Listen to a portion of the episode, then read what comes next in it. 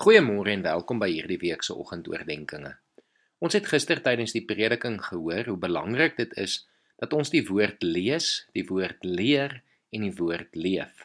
Ons gaan hierdie week in verdere besonderhede na spesifieke tekste wat praat oor die belangrikheid van die Bybel kyk. Vanoggend wil ek begin deur vir ons Psalm 1 voor te lees.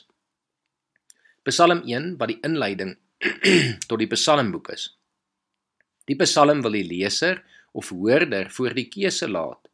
Gaan jy kies om God se woord aan te neem en daarvolgens te leef of gaan jy kies om ongehoorsaam te wees? 'n Keuse vir God en vir sy woord lei tot ware lewe.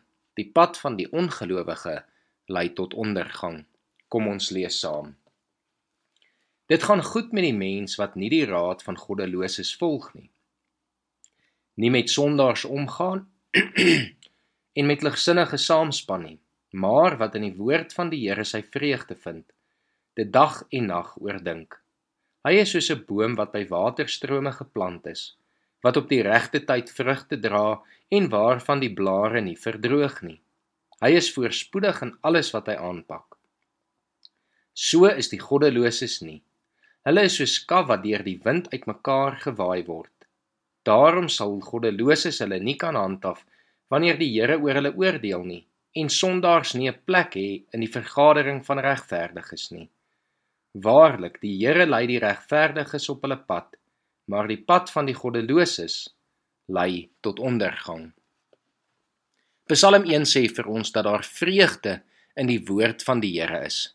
Die wêreld is konstant besig om vreugde na te jaag, maar op maniere wat nooit konstant vreugde sal gee nie.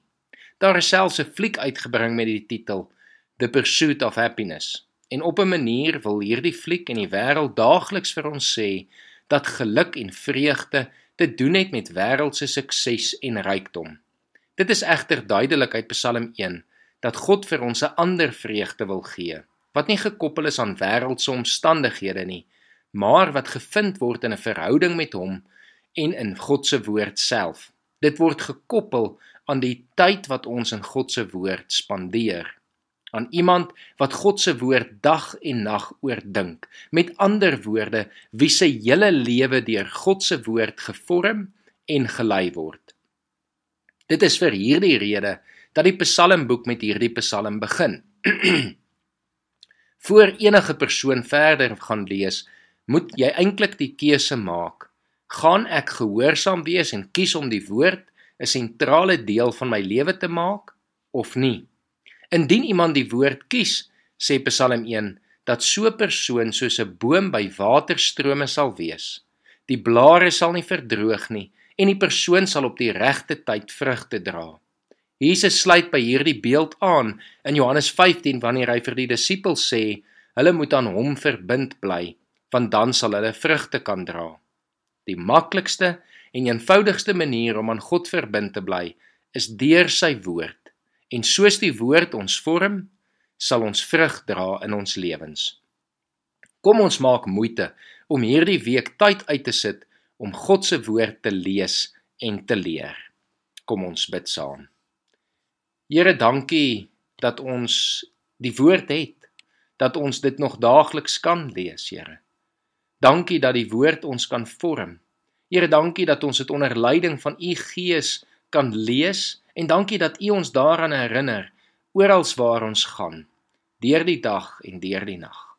Here, dankie dat ons u woord het wat ons lei. Dankie dat u woord vir ons 'n lamp is. Dankie dat ons daarin vreugde kan vind, Here.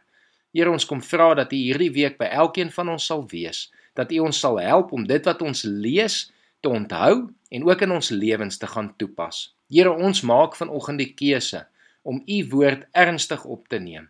Ons maak die keuse om u woord te lees, tyd daarin te spandeer, Here, en ons lewens daarvolgens in te rig. Ons bid dit in Jesus Christus se naam alleen. Amen.